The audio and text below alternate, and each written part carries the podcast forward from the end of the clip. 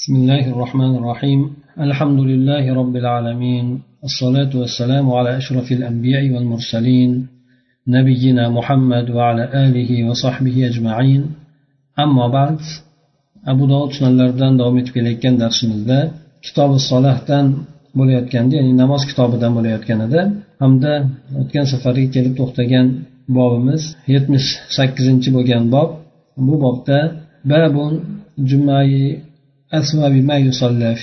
ya'ni namoz o'qiladigan kiyimlarni majmuasi yig'indisi degan mazmundagi bob ekan ya'ni qanchalik namoz kiyimlarda namoz o'qisa bo'ladi shu to'g'risida keladi olti yuz yigirma beshinchi bo'lgan hadis bu hadisni abu dovud rahmaulloh abu hurayra roziyallohu anhudan rivoyat qilgan ekan u kishi aytadilarki anna rasululloh sollallohu alayhi vasallam سئل عن الصلاة في ثوب واحد فقال النبي صلى الله عليه وسلم أولكلكم صوبان ثوبان ya'ni abu hurra roziyallohu anhu aytadilarki rasululloh sollallohu alayhi vasallam bir kiyimda namoz o'qishlik haqida so'ralib qoldilar ya'ni insonni faqat bir dona matosi bir dona kiyimi bo'ladida ana o'shanda o'ziga o'rab olib turib namoz o'qiydi mana shunday qilsa bo'ladimi deb so'ralib qolganda payg'ambar sallallohu alayhi vasallam aytdilarki hammalaringizni ikkitadan kiyiminglar bormi? deb dedilar. Ya'ni sahobalarni hammalarida ikkitadan kiyim yo'q edi. Shunday ekan inson toqati yetgan holatida namozni o'qiydi. Garchi bitta kiyim bitta matosi bo'ladigan bo'lsa ham o'shani o'ziga satr avrat qilib o'rab turib ana o'sha narsada namoz o'qishligi joiz bo'ladi. Demak bu yerda bir kiyimda namoz o'qishlik to'g'risida kelganda mana quyida ham kelib e, keltirib o'tiladi bu qanday suratda bo'lishligini. Insonda bir o'raydigan avvalgilarni kiyimlari o'raladigan narsa bo'lgan ko'proq. Shalvar yoki boshqa narsalari bo'lgan lekin ko'proq bir mato bo'lganda o'sha matoni o'zlariga o'rashgan. Xuddi mana aytaylik ehromdagi kiyim kabi masalan ehromda izori bor ridosi bor tepasidagi ana o'shanga o'xshagan o'zini aylantirib o'raydigan bir mato bo'lgan. Endi shunda masalan ehromni ko'radigan bo'lsak bunda ikkita kiyimdan iborat. Birisi izor ikkinchisi rido e, izor demak pastdagi beliga ham xuddi lungiga o'xshatib turib o'raladi. E, rido esa tepasidan tashlanadi. Mana bu ikkita kiyim bo'ladi. Bu mukammalroq surat endi. Satr avratni to'liq suratda bekitishlikda endi o'shani bir bitta mato bo'ladigan bo'lsa ikkalasini o'rnida bir mato bo'ladigan bo'lsa shunda namoz o'qisa bo'ladimi deganda payg'ambar alayhissalom ha bo'ladi degan mazmundagi gapni aytganlar. Ya'ni hammalaringizda shunaqa ikkita bormi? O'zi degani demak hammanglarda yo'qu bunday narsa. Demak boriga qarab o'qiysizlar degan mazmundagi javobni qilganlar. Ya'ni bu inson kiyimida eng ozi bilan shu namozini durust qiladigan kiyim haqida demak gap ketar ekan bu hadislarda.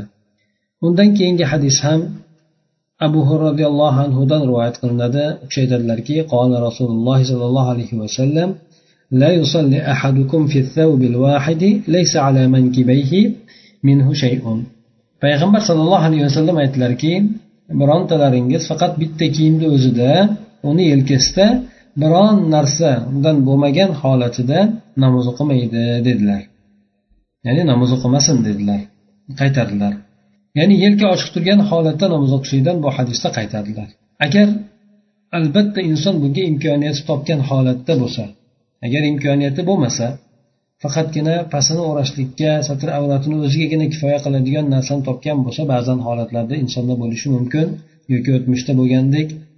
Mana bunday bo'lgan holatlarda insonni namozi durust bo'laveradi. Endi inson imkoniyati bo'lib turib yelkasini ochiq holatda namoz o'qiydigan bo'lsa olimlarni ixtilofi borki ko'pchilik olimlar buni karohiyat bo'ladi ya'ni makruh bo'ladi. Agar inson shunday imkoniyati bo'lib turib yelkani ochiq holatda namoz o'qiydigan bo'lsa deydi. Imom ahmadni mazhablari esa inson agar yelkasini yopishlik imkoniyati bo'lib turib yopmasdan namoz o'qiydigan bo'lsa bu gunoh bo'ladi deb aytgan ekanlar. Jumhurni gapiga karohiyat makruh bo'ladi degan gapiga ko'ra esa ya'ni yaxshi bo'lmaydi degan e, mazmunni keltiradi. Albatta bu e, jumhurni ham o'ziga yarasha dalillari bor chunki payg'ambar alayhissalomdan keladi. Agar insonda kiymatorlik qilib qoladigan bo'lsa matosi qilib qoladigan bo'lsa unda faqat belini pastiga o'rab olsin degan mazmundagi so'zlari keladi. Ana o'sha narsa demak inson e, gunohkor bo'lmasligiga dalolat qiladi deyishadi. Olti yuz yigirma yettinchi bo'lgan hadis. Bu hadisni ham abu roziyallohu anhudan rivoyat qiladilar. Aytadilarki qola rasululloh sollallohu alayhi vasallam إذا صلى أحدكم في ثوب فليخالف بطرفيه على آتقيه rasululloh sollallohu alayhi vasallam aytdilarki agar sizlarni bittalaringiz bir kiyimda bir matoda namoz o'qib qoladigan bo'lsa uni uchlarini yelkasini ustiga bir biriga muxolif qilib olsin ya'ni tepaga tortib masalan tepadan pastga qarab turib o'raydida inson o'zini o'raydida ana o'sha o'ralgandan keyin pastdagi bo'lgan e, tepadagi bo'lgan e, tomonini tarafini taraf degani uchi degani yelkasiga bo'yniga o'tkazib turib o'sha narsani muxolif qilib bir biriga teskari qilib bog'lab oladi. Ya'ni bir uzun material bo'ladigan bo'lsa bunday olib ko'radigan bo'lsak o'sha materialni shu ko'kragidan pastga qarab tushiradida ana undan keyin uni ikkita tepadagi bo'lgan uch tomonini bir biriga teskari qilib x qilib turib demak bo'ynini ustidan bog'lab oladi deb aytadi. Bu agar o'sha o'raydigan narsasi yetarli bo'ladigan bo'lsa uzunroq bo'ladigan bo'lsa mana shunday qilib oladi doimki bu o'rinda insonni avratini satr qilishligi bu mukammalroq suratda bo'ladi. Agar bu inson bir kiyimda namoz o'qib qoladigan bo'lsa bir matoni o'rab namoz o'qishlikka to'g'ri kelib qoladigan bo'lsa masalan choyshabmi yoki katta sochiqmi shunga o'xshagan narsalar insonda boshqa imkoniyati bo'lmay qoladigan bo'lsa mana shunday e, bir yo'la tepasidan yelkasi ham yopiladi unda o'sha yelkasidan o'tkazib turib bog'laydi bu chekka uchini ana o'shanday bo'lgandan keyin yelkasi ham e, yopiladi hamda to'liq tizzasigacha satr avrat bo'lib bekiladi olti yuz yigirma sakkizinchi bo'lgan hadisda umar ibn abi salamadan rivoyat qilinadi aytadilarki رأيت رسول الله صلى الله عليه وسلم يصلي في ثوب واحد ملتحفا مخالفا بين طرفيه على mankibayhi men rasululloh sollallohu alayhi vasallamni bir matoga o'ralgan holatda namoz o'qiyotganligini ko'rdim. U kishi buni kiyim qilib o'rab olgandilar mutahifan ya'ni lihofa. Lihofa degani mana o'lgan odamga masalan nima kiygizilayotgan paytida kafan kiygizilayotgan paytida ba'zan lihofa qilishligi o'sha ko'kragidan e, qarab turib pastga bir materialga o'raladi. Shunga o'xshab turib inson demak o'sha nimasini jasadini o'raydida keyin uni ikkita tepadagi bo'lgan chet tomonini yelkasidan oshirib turib bir biriga muxolif x turib bog'lab oladi. Bu pastga tushib ham ketib qolmaydi. Undan keyin insonni e, tepadagi bo'lgan qismini ham yopadi. Pastki avratlarini ham insonga e, ochilib ketib qolishligidan to'sib turadi. Undan keyingi bo'lgan hadisda esa qays ibn toliq u kishi esa otalaridan rivoyat qiladi? Aytadilarki على النبي صلى الله عليه وسلم فجاءه رجل فقال يا نبي الله ما ترى في الصلاة في الثوب الواحد قال فأطلق رسول الله صلى الله عليه وسلم إزاره وتارق به رداءه فاشتمل بهما ثم قام فصلى بنا نبي الله صلى الله عليه وسلم فلما أن قضى الصلاة قال أو كلكم يجد ثوبين talqibni ali roziyallohu anhudan rivoyat qilinadi. Aytadilarki biz payg'ambar sallallohu alayhi vasallamni huzurlariga kelgan edik. Shunda bir odam kelib u kishidan so'rab qoldilar. Ey ollohni payg'ambari bitta matoga o'ralib namoz o'qiydigan odam to'g'risida nima deysiz? deb so'radilar. Shunda payg'ambar sallallohu alayhi vasallam o'zlarini izorlarini pastga tushirdilar pastga qo'yib yubordilar izorlarini va uni ustidan ridolarini yopdilar. Tepadagi ridosini izorini pastga qarab o'radilar ridosini tepadan pastga tashladi. Uni ustiga ikkalasiga keyin lekin payg'ambar sallallohu alayhi vasallam o'radi to'liq suratda avratlarini badallarini bekitdi o'sha narsa bilan tepadagi rido bo'ldi. Pastdagisi izor bo'ldi. Xuddi mana ehromda kiygan e, odamlarga o'xshab. So'ng turib namoz o'qidilar. Payg'ambar sallallohu alayhi vasallam biz bilan birga namoz o'qidilar. Namozni tugatganidan keyin aytdilarki sizlarni har birlaringiz ikkita kiyimni topadimi o'zi deb aytib qo'ydilar ya'ni bir odam ko'p odamlarda o'sha paytlarda xosatan mana kambag'al bo'lgan odamlarda bir kiyimgina o'zi bir matogina e, bor bo'lardi xolos shungagina qodir bo'lishar edi ana o'shaning uchun bu bunday suratda namoz o'qishlik joiz deb payg'ambar alayhissalom bu gaplar orqali ishora qilib o'tdilar undan keyingi bob yetmish to'qqizinchi bo'lgan bob ekan bunda aytadiki يعقد الثوب في قفاه ثم يصلي bir odam to'g'risida bu odam kiyimini orqasiga bog'laydi. Orqa tarafiga ya'ni yelkasini orqasiga bog'laydida bo'yniga bog'laydida keyin namoz o'qiydi. Shu durustmi yoki durust emasligi to'g'risidagi kelgan bob hadis ekan. olti yuz o'ttizinchi bo'lgan hadis bu hadisda sahl ibn sad roziyallohu anhudan rivoyat qilinadi. Aytadilarki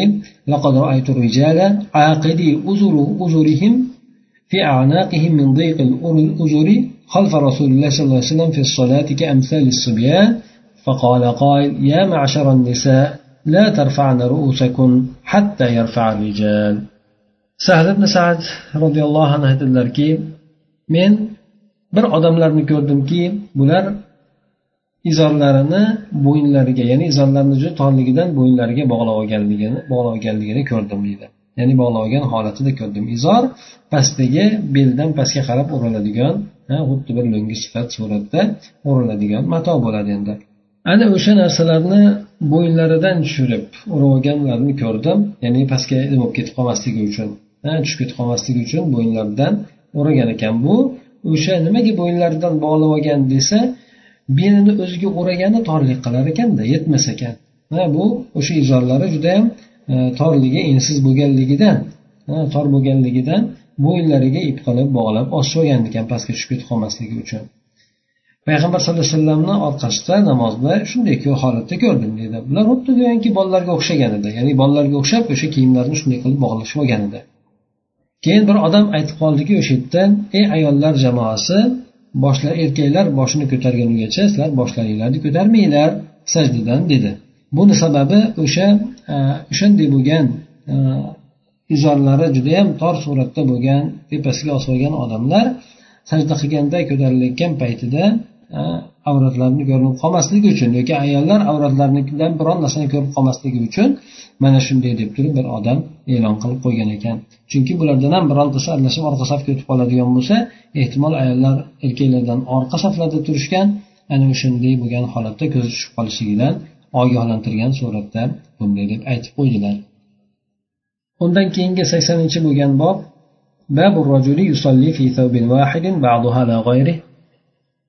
bir odam to'g'risidaki bu bir kiyimda namoz o'qiydi.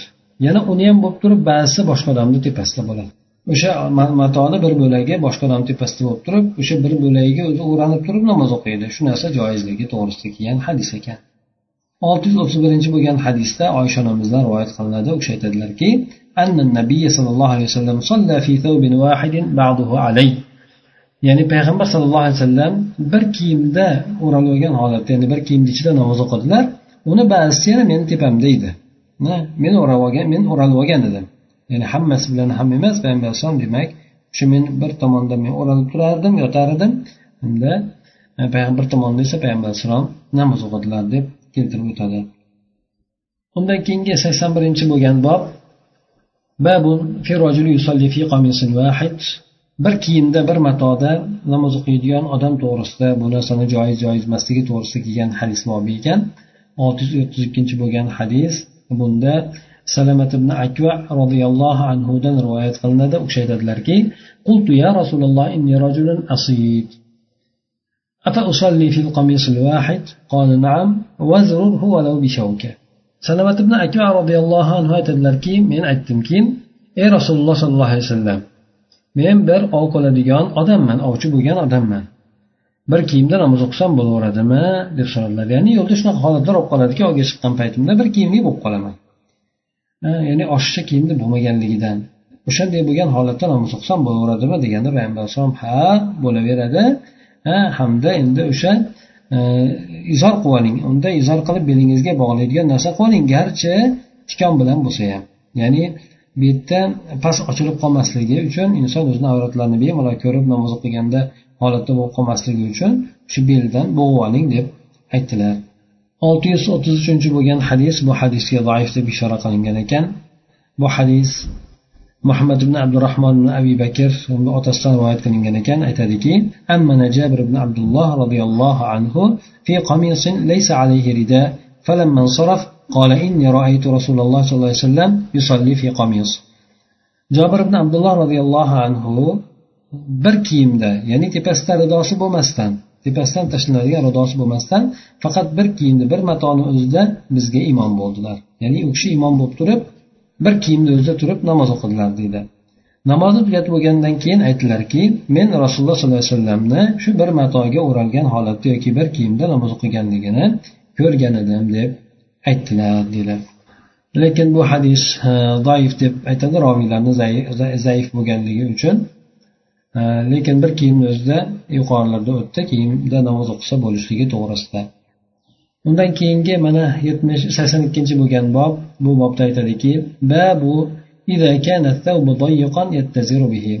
agar kiyim o'sha material tor bo'ladigan bo'lsa ya'ni insonni badanini to'liq o'rashlikka hamma tomonni tepadan pastgacha o'rashlikka kifoya qilmaydigan bo'lsa unda inson buni izor qilib oladi. Ya'ni pastiga asosan satr avrat qilishligi kerak bo'lgan muhim bo'lgan joyga ya'ni kindigidan tizzasigacha o'rab oladi deb aytdilar mana shu to'g'risida kelgan bob ekan olti yuz o'ttiz to'rtinchi bo'lgan hadis bu hadis ibodat ibn somitni nabiralari ibodat ibn validdan rivoyat qilinadi u kishi aytadilarki أتينا جابرا يعني ابن عبد الله رضي الله عنه قال سرت مع رسول الله صلى الله عليه وسلم في غزوة فقام يصلي وكانت علي بردة ذهبت أخالف بين طرفيها فلم تبلغ لي وكانت لها ذباذب فنكستها ثم خلفت خالفت بين طرفيها ثم تواقصت عليها لا تسقط. ثم جئت حتى قمت عن يسار رسول الله صلى الله عليه وسلم فأخذ بيدي فأدارني حتى أقامني عن يمينه فجاء ابن صخر حتى قام عن يساره فأخذنا بيديه جميعا حتى أقامنا خلفه. قال وجعل رسول الله صلى الله عليه وسلم يرمقني وأنا لا أشعر ثم فطنت به فأشار إلي أن أتزر به بها. فلما فرغ رسول الله صلى الله عليه وسلم قال يا جابر قال قلت لبيك يا رسول الله. قال إذا كان واسعا فخالف بين طرفيها وإذا كان ضيقا فاشتله على حقوك. Bu hadisni imom muslim ham rivoyat qilgan ekan buxoriy esa buni muxtasar suratda qisqaroq suratda keltirib o'tgan ekan. U kishi aytadilarki demak biz jobir ibn abdulloh roziyallohu anhuni huzurlariga kelgan edik. U kishi aytib qoldilar men rasululloh sollallohu alayhi vasallam bilan bir jangda bo'lgan edim birga yurgan edim. U kishi turib namoz o'qidilar. Meni tepamda esa bir chopon bor edi. Burda ya'ni chopon bor edi. Men ikki tomonni ikkita uchini bir biriga muxolif qilib x qilib bog'lab oldim. Bog'lab olganida bu menga to'liq yetmadi. Ya'ni kaltalik qildi yoki e, torlik qildi. Uni popuklari bor edi men uni teskari qilib oldim. Osilib turgan popuklari bor edi men uni teskari qilib oldimda keyin e, o'sha uni o'sha kiyimni o'sha matoni ikkita uchini bir biriga bog'ladim. Ya'ni bitta popuga bo'lgandan keyin popuga uzunroq chiqib turadi. O'shani bir uchidan x qilib turib bog'ladim deydi so'ng uni ustimga bog'lab oldim tushib ketmaydigan qilib bog'lab oldim. Keyin kelib payg'ambar sallallohu alayhi vasallamni chap tomonlariga turdim safga. Payg'ambar sallallohu alayhi vasallam meni qo'limdan tutdilarda aylantirdilar. Hattoki o'ng tomoniga turgizdilar. Ya'ni chap tomondan qo'li bilan o'ng tomonga tortib turgizdilar. Keyin boshqa bir odam ibn sohil kelib qoldi. Hatto u kishi payg'ambar alayhisalom yana chap tomonidan turdi. Yani chap tomonda men turgandim meni o'ng tomonga kelgandan keyin yana bir odam kelib turib chap tomoniga turdi. Keyin payg'ambar sallallohu alayhi vasallam qo'llari bilan ikkalamizni ushladilar. Hattoki bizlarni o'zini orqasiga turgizdilar. Ya'ni o'ng tomon chap tomonni ikkalamizni ushlab turib orqaga itarib bizni orqa safga qo'ydilar deydi ya'ni orqaga yetardilar biz safga turdik. Keyin payg'ambar sallallohu alayhi vasallam menga men o'zim sezmagan holatda yuzma iz qaray boshladilar menga. So'ng sezib qoldim bu narsani bir tushunib qoldim. U kishi menga izorlab olgin ya'ni belini bog'lab olgin deb ishora qilayotgan deganlar. Payg'ambar sallallohu alayhi vasallam namozni o'qib bo'lgandan keyin aytdilarki ey jobir men aytdim u kishiga labbayk ya rasululloh. Rasululloh labbay ya'ni sizni ijob chaqirig'ingizga labbay deyman deb aytdim dedi. U zot aytdilarki agar o'ragan o'raladigan mato kengroq bo'ladigan bo'lsa uni ikkita chetini bir biriga teskari qilib olgin teskari qilib bog'lab olgin. Agar tor bo'ladigan bo'lsa uni belingga bog'lab olgin deb aytdilar. Mana bu hadis ham odamda bir necha masalalar bor ekan bu hadisda. Ba'zilarini aytib o'tadigan bo'lsak odam bir kiyimda bo'ladigan bo'lsa ham imomga o'tishligini joizligi. Bir matoga o'ralgan bo'lgan holatda ham bunda nima insonga nima qanday holat bo'lishi mumkin? Bunda inson bog'laydigan bo'lsa avrati past tomondan ochilib qolgan bo'lishligi. Bu narsa turgan gap inson demak tizzasigacha bir matoni o'raydigan bo'lsa ya'ni boshqa ichida hech qanaqangi kiyim bo'lmagandan keyin past tomondan avratni ko'rinib qolishligi lekin ana shunday bo'ladigan bo'lsa ham mana keladi. Yuqorida ayollar turmasin deganda ham e, boshlarini ko'tarmasin erkaklarni ko'tarishligidan oldin deganda ham ana shunga ishora bor edi. Bu namozni buzib qo'ymas ekan. Avrat qilib bekilgandan keyin past tomondan ko'rinib qolishligi namozni buzib qo'ymas ekan. Undan keyin payg'ambar sallallohu alayhi vasallamni safda ya'ni yanida turgandim chap tomonda turgandim o'ng tomoniga aylantirib oldilar demak bu o'rinda bir odam namoz o'qiydigan bo'lsa ya'ni kelib turgan odam yosh bola bo'lsin katta odam bo'lsin o'ng tomonda turishi kerak. Albatta erkak kishi. Agar chap tomonda turib oladigan bo'lsa uni qo'li bilan o'ng tomonga o'ng tomoniga olib o'tishligini zarari bo'lmas ekan. Chunki namozdagi ozgina bo'lgan harakat kerakli bo'lgan harakat namozni buzib qo'ymas ekan. Ana undan keyin yana ikkita odam turganda imom bilan ergashuvchi qanday holatda turadi? Orada qancha masofa bo'ladi? Ko'pchilik olimlar ikkalasi bab barobar turadi deydi. Ya'ni e, oyoqlarini tekkizib bir biriga teng qilib turadi. Ba'zi mazhablarda bir qadam bir qadam ya'ni bir qadam deganda bir qarich ortda turadi. Imomga qo'shilgan odam deb aytadi. Lekin e, bu o'rinda esa ko'proq jumhurlarni gapi jumhur olimlarni gapi odam o'zini barobarida qiladi ya'ni teppa teng bo'ladi deydi. Yana bir odam kelib qo'shiladigan bo'lsa unda uch kishi bo'ladi. Albatta uch kishi bo'lgandan keyin afzal bo'lgan holati imom oldingi tarafda bo'lishligi hamda ergashganlar esa orqa tomonda bo'lishligi mana shu narsa loyiqroq bo'lar ekan. Payg'ambar sallallohu alayhi vasallam ayni mana shu narsani bu yerda ikkalasini ortga surib turib o'zlari oldida qoldilar. Ya'ni orqada agar joy bo'ladigan bo'lsa orqaga surib qo'yishlik kerak bo'ladi. Agar orqada joy bo'lmaydigan bo'lsa unda o'zi oldinga qarab o'tishligi kerak bo'ladi. Lekin e, ba'zi olimlar e, mana abdulloh masud roziyallohu anhu kishini ikkita sohiblari shogirdlari bular yuqorida agar eslaringizda bo'lsa bir hadisda ham o'tgan edi. E, ikkita odamni o'rtasiga kelib turib namoz o'qiydida payg'ambar alayhisalomni shunday namoz o'qigan holatda ko'rgan edim deb aytgan gaplari o'tdi yuqorida. Ana o'shanga binoan e, ikkita odam bo'ladigan bo'lsa ham imom teppa teng o'qiyveradi degan gapni bu kishi aytgan ekanlar. Lekin jumhur olimlar imom bilan birga ikki kishi bo'ladigan bo'lsa orada e, tengma teng emas balki orada bir saf farqi bo'lishi kerak. Agar imkon bo'ladigan bo'lsa orqadan qo'shilganlar orqaga jiladi imomga ergashganlar. Agar orqada joy bo'lmaydigan bo'lsa imom unda oldiga qarab turib jiladi. Bu namozdagi bo'lgan jilishlik hech qanaqangi e, nimaga namozni buzmaydi ham bu kerakli harakat bo'lganligi uchun. Yana yuqoridagi bo'lgan masalalarni yana davomi bu yerda. Agar o'rab olinadigan mato kengroq bo'ladigan bo'lsa uni tepasini bog'lab o'rab olinadida ham tepa tomoni bekilgan bo'ladi insonni ham pastga asosan satr avrat qilishlik kerak bo'lgan tomoni bekilgan bo'ladi. Agar tor bo'ladigan bo'lsa unda faqat zarurat holatini o'zigagina chegaralaniladi. Bu yerda esa kindigidan tizzasigacha o'rab turib izor qilib olinadi endi. Sakson ikkinchi bo'lgan bob mana agar tor bo'ladigan bo'lsa mato uni izor qilib oladigan e, odam to'g'risida namozi durustmi yoki durust emasmi to'g'risidagi hadis ekan. E, bu hadisda umar ibn hattob roziyallohu anhudan e, ibn umardan rivoyat qilinadi. Aytadilarki rasululloh alayhi aytdilar yoki bo'lmasa umar aytdilar deb aytadi. إذا كان لأحدكم ثوبان فليصلي فيهما فإن لم يكن إلا ثوب واحد فليتزر به ولا تشتمل اشتمال اليهود agar sizlarni birlaringizni ikkita kiyim bo'ladigan bo'lsa ikkalasida namoz o'qisin bu mukammalroq bo'ladi tepasini hamda pastki tomonini bekitgan holat agar faqat bitta kiyim bo'ladigan bo'lsa uni izor qilib olsin pastini bekitib olsin ya'ni e, avrat tomonini to'liq avrat g'aliza bo'lgan qo'pol avrat tomonini bekitib olsin yahudlarni o'raganidek o'ralib olmasin unga. Ya'ni yahudlarni o'ralgani e, deb keltirishadi olimlar aytishadiki yahudlarni o'ralgan to'liq badanni o'rab olib turib tepasini nima qilmasdan e, taraflarini ikkita bo'yniga bog'lamasdan o'rab olishligini aytgan ekan. E, bizda ba'zida bo'ladi. Odamlar hammomdan chiqadigan bo'lsa ko'kragidan pastga qilib turib aylantirib oladida keyin o'sha yerni buklab oladi endi. Shunday qilib olmasin. Ya'ni bu namoz uchun bu narsa.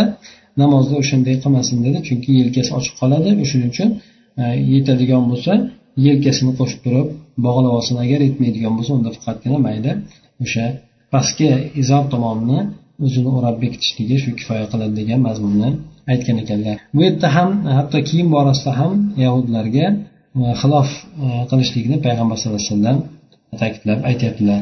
Undan keyingi bo'lgan olti yuz o'ttiz oltinchi bo'lgan hadisda abdulloh ibn buraydadan u kishisi otasidan rivoyat qiladiki rasululloh sollallohu alayhi vasallam أن يصلي في لحاف ولا لا يتوشح به والآخر أن يصلي في سرابيل وليس عليه رد payg'ambar sallallohu alayhi vasallam bir lihofda bir kiyimda uni yutavashshah degani o'sha o'ralib olmasdan namoz o'qishlikda qaytarganlar ya'ni payg'ambar sallallohu alayhi vasallam shu bir kiyimda turib turib inson o'ralib tepasini bog'lab olishlik kerak Ya'ni o'shanday qilmagan holatda namoz o'qishlikdan qaytarganlar chunki inson imkoniyati bo'lib turib yelkasini yopmasligi yuqorida o'tdi. Yelkasini ham bog'lab olishlik kerak bo'ladi. Yana bir boshqa qaytargan o'rni esa boshqa odamni qaytargan o'rni esa faqat shirvolni o'zida lozimni o'zida yoki shimni o'zida namoz o'qiydida past tomonni bekitib turib kindigidan pastni bekitadida tepa tomonni hech qanaqangi rido bo'lmaydi.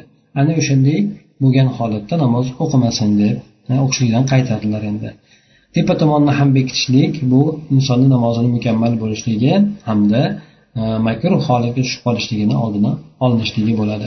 Mana bu yuqorida o'tgan hadislardan bir xulosa qilib oladigan bo'lsak payg'ambar sallallohu alayhi vasallamni davrlarida odamlarni sahobalarni xosatan e, bir o'sha hayotdagi e, yashash tarzi yoki bo'lmasa ularni kiyinish to'g'risidagi holatlarini bayon qildi.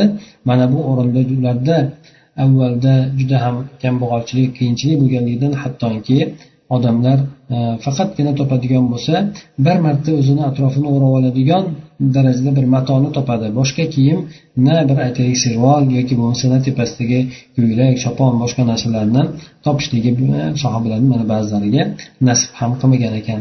Ana o'shandan demak bu savollar kelib chiqqan bir kiyimda ro'za o'qisa bo'ladimi deb alloh taologa inson shukrona qilish kerakki mana hozirgi paytlarimizda insonni nafaqat bir e, o'ralib oladigan materiali balki inson ehtimol unga nazar pisand ham qilib qaramas. E, balki insonni qo'sha qo'sha kiyimlari boshqalari borki bunga alloh taologa shukronalar aytishligi kerak bo'ladi. Demak payg'ambar alayhisalom davrlarida sahobalar dinni asosiy g'amlari dinni yetkazishlik dinni tarqatishlik mana shu narsa bo'lgan holatlarida bular dunyoviy bo'lgan narsalarga ko'pincha qarishmasdi. Bular asosiy g'amlari o'sha allohni yo'lida jihod qilishlik dinni yetkazishlik bo'lgan. Keyinchalik bularga ham alloh taolo e, ne'matlarni bergan e, ko'p boyliklarni bergan. Ular e, aytaylik ashobi suffalar ham mana abu roziyallohu anhularni jumlasidan bo'ladigan bo'lsa bu kishi ham e, bir shaharga voliy bo'lib ketadi. Undan tashqari qancha qancha boyliklar bo'ladi bu kishida ham qiladigan ehsonlari ham ancha ko'payib ketadi. Ana o'shandek demak qiyinchiliklarni alloh taolo birinchi davrlarda bergan ekan. Ular sabr bilan turib yaxshi o'sha imtihonlardan o'tishgandan keyin alloh taolo ularga keng suratda e, bu dunyo eshiklarini ham ochib bergan ekan. Lekin ularga ochib bergan paytida ham ularni qalbiga emas balki dunyoni ularni qo'llariga bergan ekan. سبحانك اللهم وبحمدك نشهد أن لا إله إلا أنت نستغفرك ونتوب إليك. اللهم انفعنا بما علمتنا وعلمنا ما ينفعنا وزدنا علما.